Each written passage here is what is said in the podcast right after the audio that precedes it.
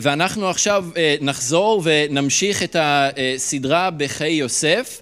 ואנחנו ממש עושים את הצעדים האחרונים בסדרה הזו, בעצם נשאר לנו חוץ מהשבת הזו עוד שתי דרשות, אז יהיה בשבת הבאה ואז זה כבר ה-25 אז יהיה לנו משהו מיוחד. ואז אנחנו בעזרת האדון נסיים את ספר בראשית ואת הסדרה הזו של חיי יוסף בשבוע הראשון של ספטמבר אם לא יהיו הפתעות אז אנחנו ממש ככה לקראת הסוף. אנחנו היום בפרק מ"ט אז אתם יכולים לפתוח את התנ"כים שלכם את המכשירים החכמים לבראשית פרק מ"ט ואנחנו נהיה מפסוק 1 עד פסוק 28. עכשיו מבחינת הסיפור המקראי ומה שאנחנו קוראים בו כרגע אז אנחנו בעצם בסוף חייו של יעקב יעקב הוא בן 147, גיל מופלג מאוד, במיוחד במונחים של היום, של ימינו, והוא שוכן במצרים כבר 17 שנים, ביחד עם יוסף וביחד עם כל בני המשפחה שלו שירדו לשם ביחד, כשהוא היה בן 130, אז זה חתיכת מסע לעשות בגיל 130, ללכת מכנען עד למצרים.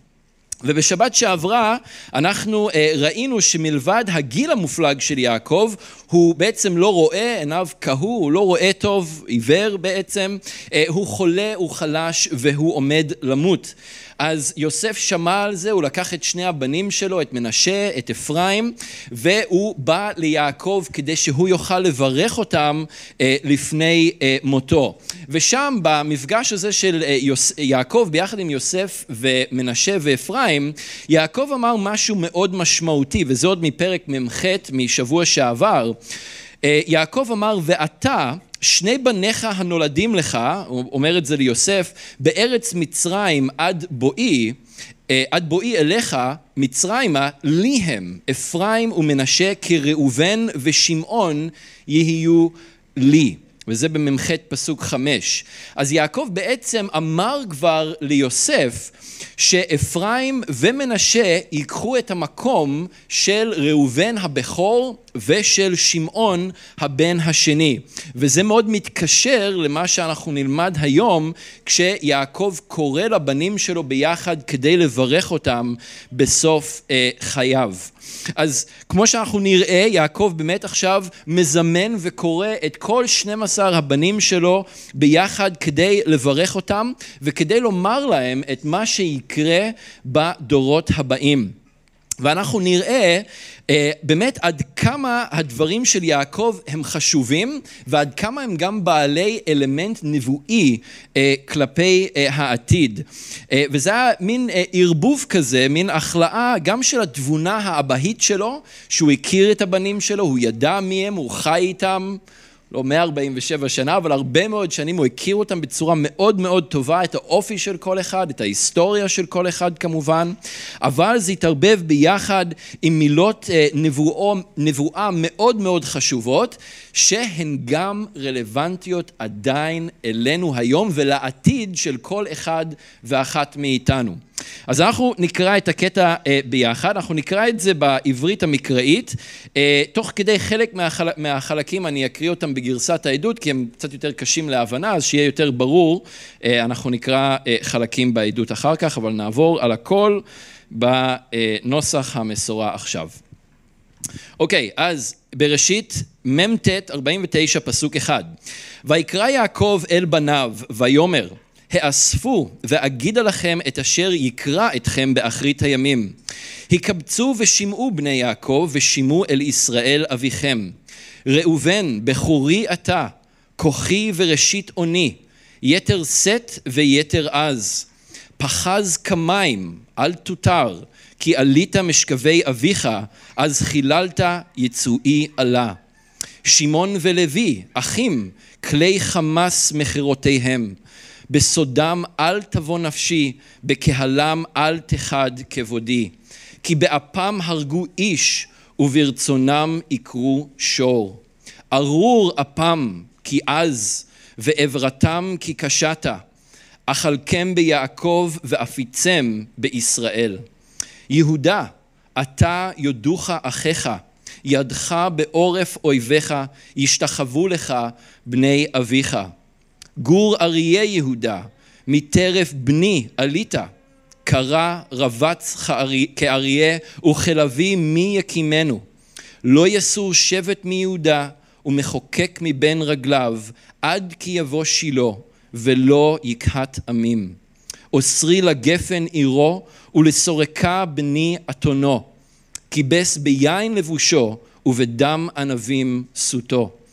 ככלילי עיניים מיין ולבן שיניים מחלב.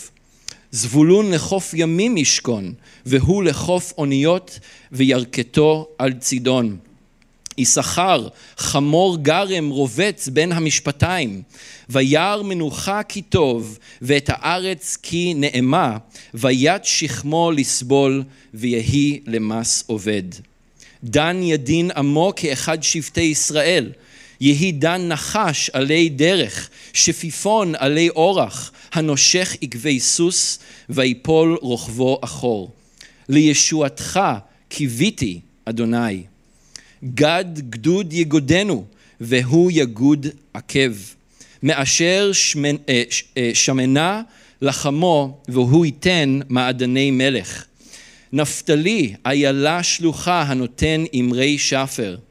בן פורת יוסף, בן פורת עלי עין, בנות צעדה עלי שור, וימררוהו ורובו, ורובו, וישתמוהו בעלי חצים, ותשב באיתן קשתו, ויפוזו זרועי ידיו, מיד אביר יעקב, משם רואה אבן ישראל. מאל אביך ויעזרך, ואת שדי ויברכך. אה, ברכות שמיים מעל, ברכות תהום רובצת תחת, ברכות שדיים ורחם. ברכות אביך גברו על ברכות הוריי, עד תאוות גבעות עולם. תהיינה לראש יוסף ולקודקוד נזיר, ולקודקוד נזיר אחיו. בנימין זאב, בנימין זאב יטרף, יטרף, בבוקר יאכל עד ולערב יחלק שלל. כל אלה שבטי ישראל שנים עשר, וזאת אשר דיבר להם אביהם, ויברך אותם איש אשר כברכתו בירך אותם. אז בואו נתפלל. אדון, אנחנו מודים לך על אה, דברך. אדון, אנחנו מודים לך שיש לנו את ההזדמנות ואת האפשרות, אדון, להיות כאן ביחד. אדון, לבוא לפני דברך, ואדון, לקבל כל אחד מאיתנו את לחם חוקנו. לקבל כל אחד מאיתנו את מה שאתה רוצה לדבר אלינו בערב הזה. אדון, ואנחנו uh, באמת רוצים להכניע את עצמנו לפניך, לבקש, אדון, שיהיה לכולנו uh, אוזניים לשמוע ולב שמוכן לקבל את מה שאתה רוצה לומר לנו הערב. אדון, אנחנו רוצים להיות קשובים אליך. אדון, אנחנו רוצים להיות קשובים לדברך. אדון, ואנחנו מבקשים שבעזרת רוח קודשך אתה תפקח את עינינו, אדון, לראות גול עינינו ונביט נפלאות מתורתך.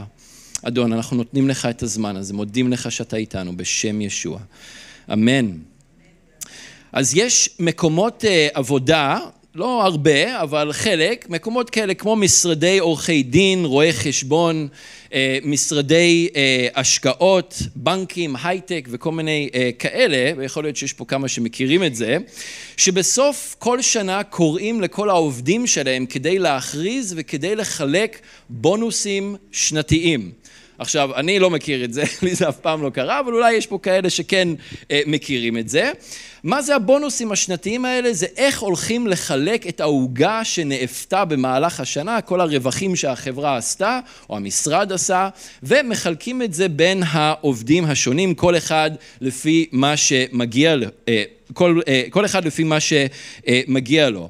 וכמובן שלפני אירוע כזה יש הרבה מאוד אה, שיח ודיבורים לגבי אה, כמה רווחים יש, כמה העוגה גדולה, מי הולך לקבל מה, מי הצליח יותר, מי הצליח פחות.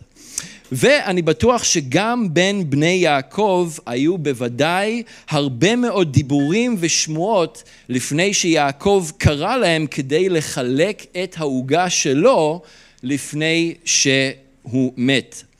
בעולם הקדום, אבי המשפחה היה מכנס את המשפחה שלו ביחד לפני המוות שלו, אה, כדי באמת להכריז על חלוקת הנחלה בין הילדים השונים, בעיקר זה היה בין הבנים, כשכמובן הבן הבכור היה מקבל אה, מנה כפולה מאשר שאר האחים. אנחנו גם רואים את זה בתוך הכתובים בדברים פרק כ"א פסוק 17, שזה ממש גם מצווה שאלוהים נתן, אה, אם יש, יש שם מקרה ספציפי, אבל זה ממש משהו שאלוהים גם דיבר עליו שיקרה. עכשיו אנחנו כבר קראנו שזה מה שיעקב כבר עשה עם יוסף שלמעשה קיבל את הבכורה, ראינו את זה בסוף פרק מ"ח, בסוף פרק 48, אתם יכולים להסתכל ממש פסוק אחד למטה בפסוק 22, אה, כשיעקב אומר ליוסף ואני נתתי לך שכם אחד על אחיך אשר לקחתי מיד האמורי בחרבי ובקשתי. אז יעקב כבר בעצם נתן את הבכורה ליוסף יוסף, ובגלל שהוא נתן לו את הבכורה, הוא נתן לו שכם אחד מעל האחים שלו, הוא נתן לו מנה כפולה, מנה יתרה, מאשר שאר האחים. אבל יעקב קורא לבנים שלו כדי לספר להם על הרבה יותר מאשר איך העוגה תתחלק. הרבה מעבר לזה. הוא קורא לבנים שלו ביחד ואומר, האספו ואגידה לכם את אשר יקרא אתכם באחרית הימים. פסוק אחד. עכשיו לאחרונה, לפני אני חושב כמעט חודשיים, היה לנו פה, עשינו סמינר על הנושא הזה, על נושא אחרית הימים, ודיברנו על הנושא הזה בהרחבה, אבל כאן יעקב הולך לומר לבנים שלו את מה שיקרה עם הצאצאים שלהם בעתיד.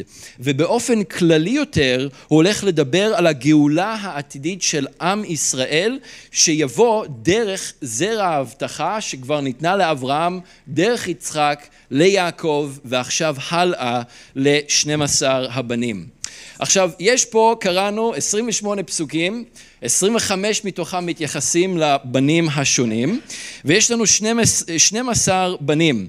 אז אם נקדיש אפילו רק כמה דקות לכל אחד מהם, אנחנו נהיה פה הרבה זמן. אז מה שאנחנו הולכים לעשות, אנחנו הולכים להיצמד ככה למה שהטקסט מבליט.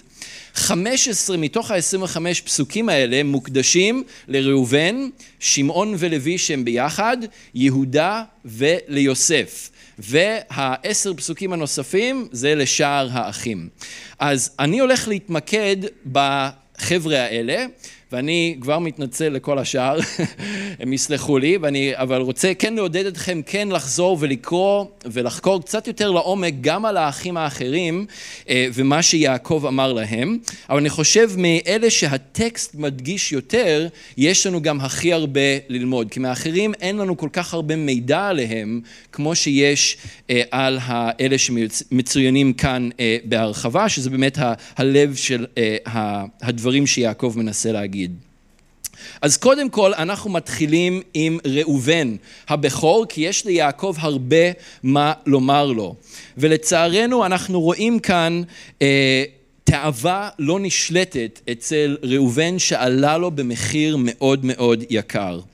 לבן המכור היה מעמד מאוד אה, חשוב בתקופה הקדומה אה, ובהרבה מאוד מובנים זה ככה גם אה, היום. אבות היו מטפחים את הבנים הבכורים שלהם מגיל מאוד צעיר כדי ללמד אותם את התפקיד של המנהיג, התפקיד של מנהיג המשפחה בידיעה שיום אחד זה יהיה הם שיצטרכו לקחת את המושכות, להחזיק את המושכות כדי להנהיג את המשפחה אה, קדימה. היום אנחנו רואים את זה היום, אבל גם בתקופה הקדומה, אה, רואים את זה במיוחד עם אה, מלכים ומשפחות אצולה שמטפחים את הבכור כדי לקבל את הכתר בעצם, ראינו את זה עכשיו עם המלך צ'ארלס באנגליה, וויליאם, הבן שלו, כבר ממש אה, בשלבים גם כן, בסופו של דבר לרשת את הכתר. רואים את זה גם הרבה מאוד עם משפחות אה, מאוד גדולות ששולטות באימפריות כאלה של עסקים, בדרך כלל האבא שם הוא יושב ראש הדירקטוריון של חברת ההחזקות שמחזיקה בכל מיני חברות מאוד מאוד גדולות, הרבה מאוד כסף, אימפריה מאוד גדולה של עובדים, ומישהו בסוף צריך לרשת אותו, והרבה פעמים זה הבן הבכור שאותו אבא מכשיר ומתלמד כדי לקחת את המושכות ממנו. הבכור היה הממשיך, זה שיירש את מקומו של אביו כזקן השבט ובתור המנהיג שלו, במיוחד בתקופה הקדומה. ועל הכתפיים שלו הייתה מוטלת גם הזכות, אבל גם האחריות להמשיך ולהחיות את המשפחה, ובתורו גם כן להקים ולטפח אה, אה, בן אה, יורש שימשיך אותו ביום מן הימים. ובפסוק שלוש, כאן בקטע שלנו, אנחנו רואים שיעקב פונה קודם כל לראובן. הוא הראשון שמקבל את התשומת לב בברכה הזו, במעמד הזה של, אה, שיעקב אה, זימן.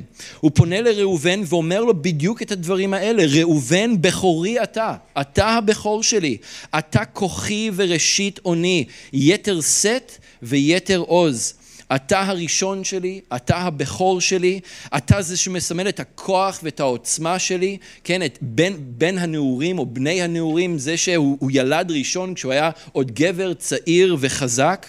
זה שירש אותי, זה שהיה לו יתרון על פני האחים שלו, שהיה לו יותר מהם, כי אתה קיבלת יותר מהם, קיבלת יותר כבוד כל השנים האלה, קיבלת יותר כוח, קיבלת יותר אחריות.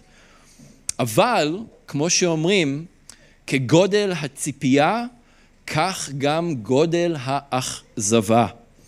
זה שהיה אמור להוביל את המשפחה אחרי יעקב, זה שהיה אמור להיות דוגמה ומופת לאחים שלו, זה שהיה אמור להגן על נשות המשפחה שלו ועל השושלת אה, שבאה אחריו, לא יעשה כן. הוא לא יקבל את הבכורה, ויותר מזה, הוא לא יצלח והוא לא יגדל, לא תותר מה שיעקב אומר, אתה לא תצליח, אתה לא תגדל. ולמה כל זה? בגלל תאווה. תאווה שהביאה אותו לשכב עם בלהה אשת אביו, למדנו על זה אה, בפרק ל"ה, שם בערך בפסוק 22. ואם אתם זוכרים, שם זה מוזכר כאילו שזה ממש בדרך אגב. הם מגיעים לאיזה מקום חדש ומתואר את מה שקורה בפסוק אחד ואין שום אזכור לתגובה של יעקב למקרה ואין שום אזכור לאיזושהי חזרה או סליחה או משהו מצידו של ראובן למקרה וזה כאילו מוזכר ככה וממשיכים הלאה. אבל אין ספק שזה השפיע עמוקות על היחסים בתוך המשפחה מאז ועד היום. אבל עכשיו יעקב כן פותח את הפה ומדבר על זה. וכנראה שלא הרבה השתנה אצל ראובן ברבות השנים. יעקב אומר עליו שהוא פחז כמים בפסוק ארבע. ראובן היה פזיז והוא היה מהיר, הוא היה חסר סבלנות ואיפוק והוא נהג בקלות דעת. הוא היה חסר שיקול דעת וחסר ריסון עצמי, מופקר ופרוץ, כשהתאווה בעבעה בו כמו מים רותחים שנשפכים מהכלי וזה עלה לו בהכל. זאת המשמעות של פחז כמים, כמו סיר שמבעבע במים, הוא פשוט לא נשלט ומה שעולה זה מה שיוצא. אין ריסון עצמי, אין שום אה, אה, משמעת עצמית או שיקול דעת, מה שיש בפנים זה מה שפועלים עליו וזה מה שיצא החוצה. אל תותר, יעקב אומר לו. הוא הפסיד את הבכורה, הוא הפסיד את היתרון שהיה לו על האחים שלו, כי לא היה לו ריסון עצמי, והוא לא השתלט על התאוות שלו. בראשונה ליוחנן, פרק ב', פסוקים 16 עד 17, כתוב כל אשר בעולם, תאוות בשרים, תאוות העיניים וגאוות הנכסים, לא מן האב הוא, כי אם מן העולם. והעולם עובר עם תאוותיו, אך העושה את רצון אלוהים עומד לעד. יש המון תאוות, תאוות העיניים, תאוות הבשרים, אבל אלה לא מן האב, והעולם עובר עם תאוותיו, אבל העושה את רצון אלוהים עומד לעד. גם בראשונה לקיפה בפרק ב' פסוק 11 ואחר כך בפרק ד' פסוק 2 כתוב מפציר אני בכם, קיפה מפציר בהם להתנזר מתאוות בשרים, להימנע מהדברים האלה, הנלחמות נגד הנפש. וזאת אכן מלחמה, מלחמת חורמה, מלחמה קשה, מלחמה יומיומית, מלחמה שאי אפשר לוותר עליה לרגע אחד. והוא ממשיך אחר כך בפרק ד' למען לא יחיה עוד לפי תאוות בני אדם בזמן שנותר לו לחיות בגופו, אלא לפי רצון אלוהים. וזה שיעור מאוד חשוב עבורנו, לפתח ריצ, ריסון עצמי, לפתח משמעת עצמית, להימלא כל יום מחדש ברוח אלוהים, כדי שאנחנו לא נאפשר לתאוות של העולם האלה והן נמצאות ורובצות לנו בכל פינה ופינה. כסף, כוח, מין, כבוד ועוד כל מיני תאוות למיניהם. לא לאפשר לדברים האלה למשול בנו, כפי שזה משל בראובן. כי זה עלה לו במחיר יקר מאוד. אנחנו ממשיכים עם שמעון ולוי, שאנחנו רואים כאן כעס רצחני.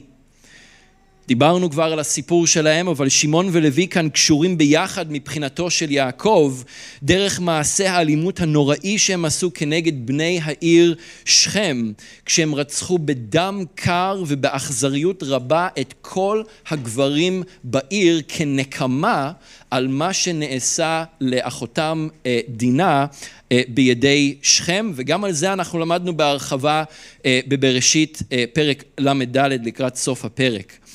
ואיך יעקב מתאר אותם כאן. יעקב מתאר את בן מספר 2 ואת בן מספר 3 ככלי חמאס, כלומר כלים של אלימות. ארגון הטרור חמאס, זאת אותה מילה, המשמעות של ארגון הטרור חמאס, של המילה הזאת חמאס, זה בדיוק כאן כמו במקרא, המשמעות זאת אלימות, אז זה ארגון שפשוט השם שלהם זה אלימות, זה נשמע יפה, נכון? כאן יעקב מתאר אותם, את שמעון ואת לוי, ככלי חמאס, כלים של אלימות שהיו מלאים בכעס עז שהביא אותם למעשה הרצח, כמו שאנחנו קוראים כאן שיעקב אומר להם בפסוק, בפסוקים 6 ו-7. וזה לא בכדי שישוע השווה בין כעס לרצח מאוחר יותר בדרשה על ההר. כי אלימות ורצח זה תוצר סופי של כעס, כפי שגם ישוע אומר. ויש גם סוגי אלימות אחרים שנובעים מכעס, שהם לאו דווקא פיזיים והם לאו דווקא מובילים לרצח, אבל הם גם כן סוגים של אלימות שנובעים מתוך מקום של כעס. זה יכול להיות אלימות מילולית, אלימות מינית, אלימות כלכלית, אלימות רוחנית, אלימות נפשית, כל אלה אל, אלימויות שנובעות מכעס ורצון לנקמה ורצון לפגוע, וכל אלה פסולים, ואגב, לא פחות אכזריים מאשר אלימות פיזית, וכמובן אין להם שום מקום בקרבנו. יעקב כאן אומר להם כי באפם הרגו איש וברצונם יקרו שור. הכעס שלהם היה כל כך עז שהם אפילו התעללו קשות בחיות שהם לקחו. אז בבראשית ל"ד, כשקראנו על זה, שם כתוב שהם לקחו את כל המקנה, את כל החיות, אבל אין לנו יותר מידע מעבר לזה. כאן יעקב אומר שהם עיקרו שור, לעקור שור, הכוונה זה לחתוך לו את הגידים של הרגליים האחוריות. זאת הייתה דרך מאוד מאוד אכזרית להרוג חיה, היא בעצם לא יכולה לעמוד על הרגליים, והיא שוכבת על הקרקע ובעצם גוססת אה, עד שהיא מתה. היו עושים את זה גם במלחמות לסוסים וכל מיני כאלה, מאוד מאוד מאוד אכזרי. וזה מה שיעקב אומר שהכעס של שמעון ולוי הוביל אותם לעשות. גם להרוג גברים שהיו במצב מאוד כאוב וחלש, שהם אפילו לא יכלו להגן על עצמם, אבל הם גם התעללו בחיות שהם לקחו אה, אחרי האירוע הזה. ויעקב לא רצה כל חלק במה שהם עשו או במי שהם היו. בסודם אל תבוא נפשי ובקהלם אל תחד כבודי, הוא אומר בפסוק שש. ועל כן הוא נישל אותם מנחלה ואמר שהם יחולקו ויופצו בקרב בני ישראל. וזה אכן מה שקרה. עכשיו שמעון אמנם קיבל נחלה פיזית בכיבוש הארץ עם יהושע כשהם נכנסו לתוך הארץ, זה היה משהו שם באזור באר שבע, אבל הנחלה של שבט שמעון הייתה בתוך השטח של יהודה, היא לא גבלה עם השטח של יהודה, היא הייתה ממש מובלעת בפנים, מכל הצדדים שלה, ותוך זמן קצר אחרי כיבוש הארץ, הוא נבלע לתוך יהודה לחלוטין ואיבד את הזהות שלו. זאת אומרת, תוך כמה שנים בודדות כבר לא היה זכר לשבט שמעון. שבט שמעון דה פקטו הפך להיות חלק משבט אה, יהודה, הוא הופץ לחלוטין אה, בתוכו ואיבד את זהותו לחלוטין. והלוי אנחנו יודעים שהוא גם לא קיבל נחלה בכלל, חוץ מ-48 ערים שהיו מוקדשים ללוויים שהיו מפוזרים ברחבי אה, הארץ כאן. משלי ישוע, שאול וכותבי הברית החדשה מזהירים אותנו פעם אחר פעם מההשלכות של הכעס. משלי אמר אורך אפיים רב תבונה, מי שהוא סבלני ולא כועס בקלות הוא בעל תבונה, הוא חכם, הוא נבון וקצר רוח מרים איוולת. מי ש... כועס מהר, מי שהוא קצר רוח, זה רק מראה את הטיפשות שלו, את האיוולת שלו. זה בפרק י"ד, פסוק 27. שאול השליח כתב, הסירו גם אתם את כל אלה, את הרוגז והכעס, ואת הרשע והגידוף, ואת ניבול הפה. בקולוסים אה, ג' 7 וכמובן הרחיב עוד באיגרות אחרות בין היתר גם באיגרת אל הגלטים שהכעס מוזכר שם כאחד ממעשי הבשר שלא אמורים להיות חלק מאיתנו. הם בתוך הבשר אבל זה משהו שאנחנו אמורים להילחם אה, נגדו.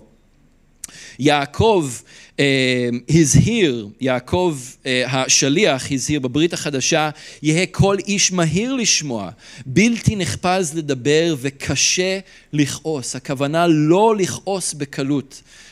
לא להגיע למקום של כעס במהירות, שהרי כעס האדם לא יפעל צדקת אלוהים בפרק א', 19 עד 20. וזה, הנושא הזה של כעס זה נושא שהוא מאוד רלוונטי הרבה פעמים אלינו הגברים. אנחנו נוטים להיות אלה שכועסים הרבה יותר מהר, אנחנו נוטים להיות אלה שיש לנו את הפיוז הקצר יותר ואנחנו יכולים להתפוצץ הרבה יותר מהר. וגברים, אנחנו צריכים לשים לב לזה, ואם זה בעיה, אז אנחנו צריכים להילחם כנגד זה ולטפל בזה איך שאפשר. אבל כמובן שזה יכול גם להימצא אצל כל אחד, כתוצאה מכל מצב.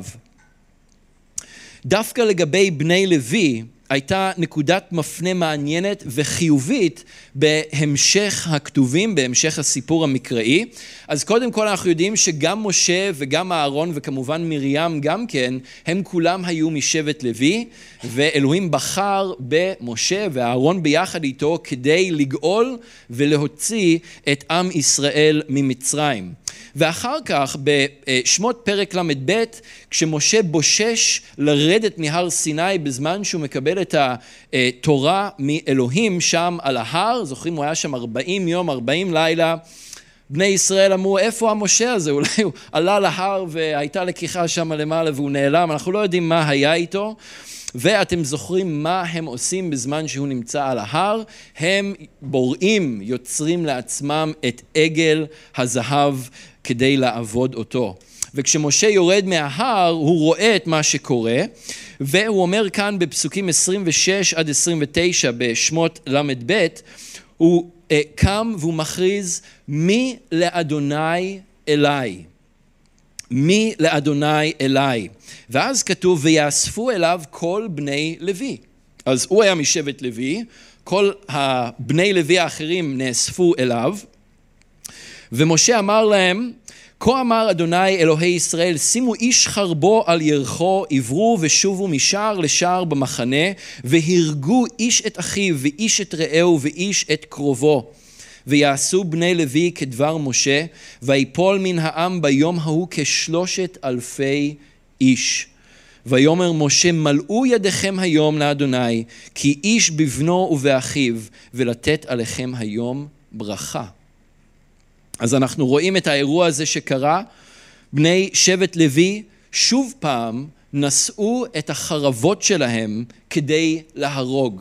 אבל בניגוד למה שהיה בשכם, הפעם זה לא היה רצח כתוצאה מכעס ומחמאה, מחמאה ומנקמה, רצון לנקום, אלא הם היו כלים בידיים של אלוהים, הם נאספו אל משה כי מי לאדוני אליי, הם נענו לקריאה והם היו כלים בידיים של אלוהים כדי להוציא לפועל את משפט אלוהים, עד כמה שזה לא היה נעים באותו אירוע, עם כל הקושי שהיה כרוך בזה, אבל בגלל מה שהם עשו, הם זכו לברכה מאדוני, לתת עליכם היום ברכה, משה אה, אומר להם. ויותר מאוחר בספר דברים, בזמן שמשה קיבל את לוחות הברית השניים, אחרי שהוא שבר את הראשונים בגלל הכעס שלו על מה שהיה עם עגל הזהב, ואחרי המוות של אהרון, כתוב בדברים פרק י' פסוק תשע, על כן לא היה ללוי חלק ונחלה עם אחיו, אדוני הוא נחלתו, כאשר דיבר אדוני אלוהיך לו. אז אמנם הם נשארו בלי נחלה, בדיוק כפי שיעקב אה, אמר, אבל הם כן קיבלו נחלה, כי אדוני היה נחלתם. וכאן באירוע הזה עם עגל הזהב היה כנראה איזשהו מהפך, היה איזשהו שינוי מבחינת בני לוי, וזה כל כך יפה לראות אה, שאומנם זה מה שיעקב אמר, זה מי שלוי היה, אבל היה איזשהו מהפך מבחינת השושלת הזו, אדוני היה נחלתם, והם כמובן היו אלו שהמשיכו והובילו את עבודת המשכן ועבודת בית המקדש אה, לדורי דורות אחר כך. לא תמיד בהצלחה או בדרך נכונה, אבל אה, אלוהים אפשר את זה לקרות אה, גם כן בהמשך. הבא שאנחנו רואים זה יהודה, וזה יהודה אנחנו באמת רואים כאן את הכוח והמשמעות והחשיבות שיש בחזרה בתשובה. יהודה מקבל כאן את המיקוד השני הכי הרבה לעומת אחרי יוסף, כלומר יוסף מקבל הכי הרבה תשומת לב, אחר כך יהודה ואחר כך האחרים, אבל הברכה של יהודה, מה שיעקב אומר ליהודה זה המשמעותי ביותר, בעיניי לפחות, מכל אה, האחים. אמ, וזה משמעותי ביותר לעתיד של האנושות כולה בעצם, וגם לעתיד שלנו אפילו היום, למה שעוד מחכה לנו בהמשך. עכשיו רק נזכור שאחרי המכירה של יוסף שיהודה היה חלק ושותף לו, אה, יהודה הלך מן הפח אל הפחת, אתם זוכרים במקרה של תמר וכל מה שקרה שם, דיברנו על זה בהרחבה גם כן. אבל אנחנו כן ראינו לאורך הסיפור של יוסף שיהודה שיקם את עצמו ושהוא חזר בתשובה ושהוא שינה את דרכיו ואת השינוי המשמעותי ביותר אנחנו ראינו דווקא אצלו, דווקא אצל אה, יהודה. והחזרה בתשובה שלו הייתה מאוד בולטת ולכן גם יעקב מכריז כאן בפסוקים שמונה ותשע שיהודה יחזק ועליון על פני כל האחים שלו כמו שהאריה עליון בטבע ובאופן מעניין שבני האחים שלו, האחים שלו והילדים שלהם, כולל אגב גם הבנים של יוסף, שזה מעניין, השתחוו דווקא אליו ודווקא לצאצאים שלו. אבל יותר מזה, יעקב גם מדבר באופן נבואי על מלך עתידי שיבוא מחלציו של יהודה, מלך שאליו כל העמים, גם כל השבטים, כל עם ישראל, אבל כל העמים כולם יצייתו. לא יסור שבט מיהודה ומחוקק מבין רגליו עד כי יבוא שילה ולא יכהת עמים בפסוק עשר. עכשיו זה פסוק מאוד מאוד משמעותי בתנ"ך, בתורה, בספר בראשית. ספרים שלמים נכתבו על הפסוק הבודד הזה ועל מה שיעקב אומר כאן ליהודה באופן אה, כללי. אבל לאורך ההיסטוריה של מחשבת ישראל בפרט ושל כל חוקרי המקרא בכלל, הקונסנזוס הוא שזאת נבואה שמצביעה על המשיח המובטח. רש"י, הרמב"ן, כל מיני אה, אה, חכמים אה, למיניהם במחשבת ישראל, מדרש רבה, חלק מה, מספרות חז"ל, כולם הבינו שמדובר על המשיח כאן ב... פסוק הזה, אה, עד כדי כך שהמילה או השם שילה הפך לשם נרדף וכינוי למשיח בספרות חז"לית ובשיח לגבי המשיח.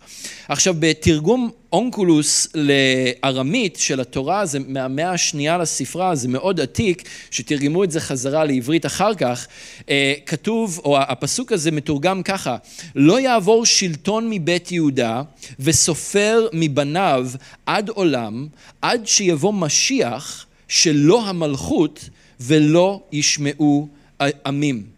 אז יום אחד יבוא צאצא מבית יהודה, הוא יהיה מלך, המלכות כולה תהיה שייכת לו ולא המלכות, ואליו כל העמים יצייתו וישמעו. וזה חייב לקרות לפני שהזהות של יהודה הולכת לאיבוד. וזה כמובן קרה בחורבן בית שני, כבר לא יודעים מי שייך לאיזה שבט. זה היה רק עד חורבן בית שני, אז יש המון המון מידע לגבי אותו מלך עתידי שיבוא, שמובטח, רק בפסוק הבודד הזה. אבל יעקב גם לא עוצר שם, הוא ממשיך. והוא מתאר גם זמן מעבר למועד שאותו מלך יופיע, לתקופה מאוחרת יותר של שפע ושגשוג שקשורה אבל לאותו מלך. אנחנו קוראים על זה בפסוקים 11 ו-12 ופה אני אקרא מגרסת העדות כי זה קצת יותר קל להבין. את העיר שלו יקשור לגפן, לגפן, ואת בין האתונות שלו לגפן משובחת. את בגדיו יכבס ביין, ואת לבושו במיץ ענבים. עיניו יהיו כהות מיין, ושיניו בהירות מחלב. מה יעקב מתאר כאן? הוא מתאר כאן תקופה שבו יהיה שפע, שבו יהיה שגשוג, שבו יהיה הכל מהכל. עד כדי כך יש שפע של גפנים ושפע של יין ושפע של חלב, שאפשר יהיה לקשור את החמור לגפן המשובחת ולא לחשוש מזה שהחמור יאכל מהגפן המשובחת כי יש כל כך הרבה גפנים משובחים בכל מקום שזה פשוט לא מעניין.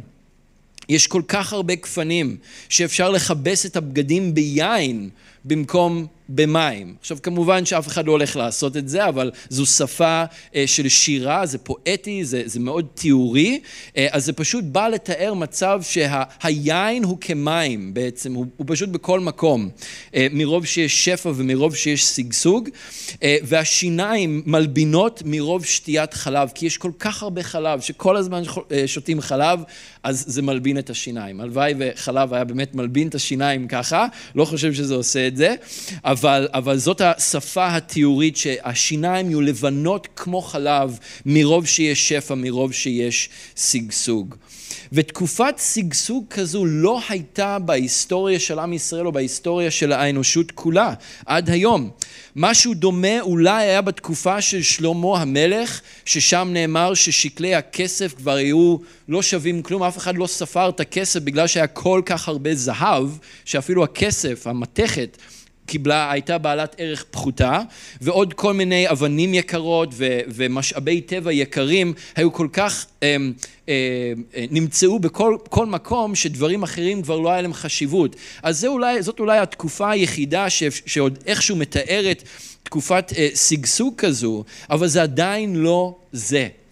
ותקופה כזו גם לא תהיה עד היום שאותו מלך, ישוע, יבוא ויכונן את מלכותו כאן בארץ במלכות אלף השנים. אז תכרע בשם ישוע כל ברך בשמיים ובארץ ומתחת לארץ וכל לשון תודה כי ישוע המשיח הוא האדון לתפארת אלוהים האב. העמים יצייתו לו ולא יכת עמים, ותהיה שגשוג בארץ כפי שלא היה מעולם. ואפשר לראות הצצה לזה בדברי הנביאים, בישעיה פרק ס"א, פרק ס"ה, בזכריה פרק ג', אפשר לראות את מה שהנביאים יותר מאוחר תיארו ואמרו שיהיה בימים האלה של ימות המשיח. אותו מלך ישוע המשיח הוא כמובן ההתגשמות המלאה של כל מה שהובטח לאברהם, ובך נברחו כל משפחות האדמה. ולאבות שבאו אחריו, זה עבר דרך יצחק, זה עבר דרך יעקב, ובאופן מפתיע עכשיו, זה לא ממשיך דרך יוסף. שהיינו, אני הייתי מצפה שזה יעבור דרך יוסף, הוא עכשיו זכה לבכורה, הוא זה שהתנהל איך שהוא התנהל במהלך כל התקופה הזו, אבל זה דווקא עובר ליהודה. ההבטחה, זרע ההבטחה עובר ליהודה ולא ליוסף. דרך יהודה והצאצאים שלו שיצמחו להיות השבט הדומיננטי אה, מכולם אה, ועד היום אנחנו כ- כישראלים או כיהודים ממשיכים לשאת את השם הזה מיהודה בגלל שבט יהודה משם נגזר המילה יהודי משבט אה, יהודה אז מה שאנחנו רואים כאן אצל יהודה זה הכוח שיש בחזרה בתשובה שזה אף פעם לא מאוחר מדי לשנות את דרכינו, זה אף פעם לא מאוחר מדי להחליף תקליט, לעשות משהו אחר. במשלי כ"ח 13 כתוב מכסה פשעיו לא יצלח. אולי זה ראובן, ניסה לכסות את פשעיו, הוא לא חזר בתשובה. יעקב אמר לו לא תותר, אתה לא תצליח, נשמע לכם מוכר. אבל בהמשך המשל כתוב ומודה ועוזב ירוחם, שאפשר אולי לראות את זה גם בלוי, אבל במיוחד בסיפור של יהודה, ושיהודה הוא הוכחה לכך שיש כוח בחזרה בתשובה. אנחנו אה, עכשיו נסיים עם אה, יוסף, וכאן אנחנו פשוט מאוד רואים את היופי באדם שהולך אחרי אלוהים בנאמנות במהלך כל ימי חייו. אז בגרסת העדות אני אקריא את הפסוקים שנוגעים אליו. ענף פורה יוסף, ענף פורה השתול על מעיין, ענפיו מטפסים על החומה, עוד פעם זאת, אה, זה מלל אה, של שירה. יורי חיצים ישנאו אותו, יתקפו אותו ויירו בו, אך קשתו יציבה וזרועותיו חזקות כי אדוני, אלוהי יעקב, רואה ישראל וסלעו, מחזק אותן. אלוהי אביך יעזור לך ואל שדי יברך אותך בברכות מהשמיים שמעל ובברכות מהתהום שמתחת בברכות שדי מלאים חלב והרבה ילדים. ברכות אביך גדולות מברכות אבותיי ומגיעות מעבר לקצה הגבעות הנצחיות. אלה הברכות שיבואו על יוסף, השונה או הנפרד מאחיו. אז כמובן שבסדרה הזו של חיי יוסף אנחנו דיברנו הרבה מאוד על יוסף. אנחנו ראינו את האופי שהתפתח בו במהלך אה, השנים האלה. אנחנו ראינו כמה שהוא היה ישר, כמה שהוא היה נכון, כמה שהוא היה עניו וצודק אה, במהלך כל השנים האלה. והוא כן היה קצת גאוותן, קצת שחצן שם כשהוא היה נער בהתחלה, אבל אנחנו ראינו את הפועל של אלוהים בו, ואנחנו ראינו שהוא נכנע לאלוהים בנסיבות הקשות ביותר שאדם יכול לעבור במהלך הרבה מאוד שנים, שהוא היה נאמן והוא היה כנוע עד הסוף. ולכן יעקב אומר שיוסף יהיה כענף או כעץ פורה. עכשיו, אני לא יודעת מה זה מזכיר לכם, לי זה ישר מזכיר את מזמור פרק א', פסוק, אה, פסוקים 1 עד 3, אשרי האיש אשר לא הלך בעצת רשעים ובדרך חטאים לא עמד ובמושב לצים לא ישב, מתאר את יוסף, אתם מסכימים איתי? כי אם בתורת אדוני חפצו ובתורתו יהגה יומם ולילה. ומה הוא יהיה? הוא יהיה כעץ שתול על פלגי מים, אשר פריו ייתן בעיתו, ועלהו לא ייבול, וכל אשר יעשה יצליח. למרות קושי, למרות התנגדות, למרות ששנאו אותו וירו בו חצים, האחים שלו, זה בטוח, אולי גם אנשים במצרים במהלך השנים שניסו לפגוע בו בדרך כזאת או אחרת, אלוהי יעקב רואה וצור ישראל חיזק אותו ויחזק אותו. וזה כל כך יפה לראות גם את יעקב שמכריז בסוף החיים שלו, גם בפסוק 18, באמצע של כל הברכות האלה שהוא נותן לבנים שלו, הוא מכריז לישועתך קיוויתי. אדוני, ומאוד מעניין לראות מאיפה הפרץ הזה הגיע מתוך יעקב בזמן שהוא עובר ואומר לבנים שלו את כל הדברים האלה, ובאמצע הוא עוצר ואומר לי ישועתך קיוויתי אדוני. וגם בהמשך, כשהוא אומר ברכות אביך גדולות מברכות אבותיי, ומגיעות מעבר לקצה הגבעות הנצחיות. וזה יפה לראות את יעקב אומר את שני הדברים האלה, במיוחד לאור מה שהוא אמר לפרעה כשהוא הגיע למצרים 17 שנים אה, קודם לכן, שהוא אמר לפרעה, כשפרעה שאל אותו בן כמה אתה, אז הוא אמר מעט, יעקב אמר מעט ורעים היו ימי שני חיי ולא השיגו את ימי שני חיי אבותיי בימי מגוריהם, זה היה בפרק אה, מ"ז. אבל בסופו של דבר יעקב קיווה לישועת אדוני. כשהכל תם ונשלם, כשהוא ממש בשעות או בימים האחרונים של חייו, זה מה שהוא אומר, שהוא מקווה, הוא ממתין, הוא מחכה לישועת אדוני. והוא הכיר בברכות שבאו עליו בחיים שלו, למרות הקשיים שהוא חווה בחיים גם כן. הוא אומר, הברכות שבאו עליי, הם היו יותר גדולים מהברכות שבאו על אבותיי. אז רואים את השינוי הזה במחשבה של יעקב גם כן. והוא אומר, את הברכות הגדולות האלה, אני מכריז גם על אה, יוסף, על הראש של יוסף, על, על הקודקוד שלו, שהוא גם נזיר מאחיו, כלומר הוא נפרד, הוא שונה מאחיו, ועוד פעם כאן הוא מתייחס לבכורה ולמנה הכפולה שיוסף אה, קיבל אה, בתור זה שזכה לברכה ולברכת, לבכורה ולברכת הבכורה. יום אחד גם אנחנו כולנו נזומן לחלוקה של ירושה. זה לא יקרה בחיים האלה, אולי זה כן יקרה באיזושהי תצורה, אבל אני לא מדבר על משהו שיקרה בעולם הזה או בחיים האלה, אני מדבר על הזמן הזה, הרגע הזה, היום הזה, כשאנחנו נעמוד לפני אבינו שבשמיים, והוא יחלק לכל אחד ואחת את חלקו. וזה לא יהיה בגלל שהוא עומד למות כמו שיעקב עומד למות כאן, אלא בגלל שדרך ישוע, כל מי שמאמין בו, הפך להיות יורש שלוקח חלק ומקבל חלק במלכות העולמים שלו. זה מה ששאול אומר לרומים בפרק ח', פסוקים 15 עד 16. הרוח עצמה מעידה יחד עם רוחנו שבנים ובנות לאלוהים אנחנו. ואם בנים, אזי יורשים. יורשי נחלת אלוהים וגם יורשים השותפים למשיח. תשימו לב, יורשים של הנחלה, של נחלת אלוהים ויורשים ביחד עם המשיח, שכן סובלים אנו עמו כדי שגם נזכה לכבוד עמו. ובסוף פר, אה, התגלות בפרק כ"ב, ישוע אומר, הנני בא מהר ואיתי השכר לשלם לכל איש כמעשהו. אז אם לא יצא לכם להיות באירוע של חלוקת בונוסים שנתיים או אירוע של חלוקת אה, נחלה בחיים האלה, כמוני, אז יומכם עוד יגיע. אבל זה לא יהיה משהו ארצי, זה יהיה משהו שמימי ומשהו מופלא. זה לא יהיה במשרד עורכי דין או בחברת הייטק, אלא ביחד עם כל ילדי אלוהים, כשאלוהים ייתן לכל אחד ואחת מאיתנו את הנחלה, את הירושה ואת מה שמגיע לנו.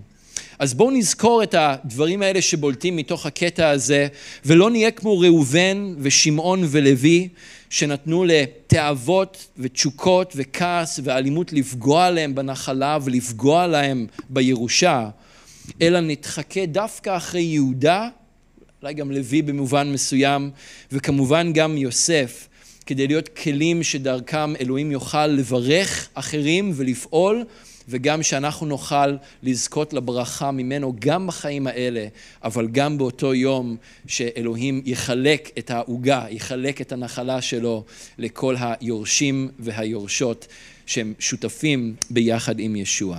אמן? אז בוא נתפלל. אדון, אנחנו מודים לך על המילים הנפלאות האלה שיש לנו אה, בדברך. אדון, המילים האלה שיעקב אמר ל-12 אה, בניו, אדון, ובמיוחד אלה שהתמקדנו בהם היום. אדון, אנחנו מודים לך שאתה, אדון ישוע, המלך, אותו מלך משבט יהודה, אותו אריה משבט יהודה. אדון, שאתה אכן באת, בדיוק כפי שנאמר עליך כאן, וגם בהמשך שאתה תבוא.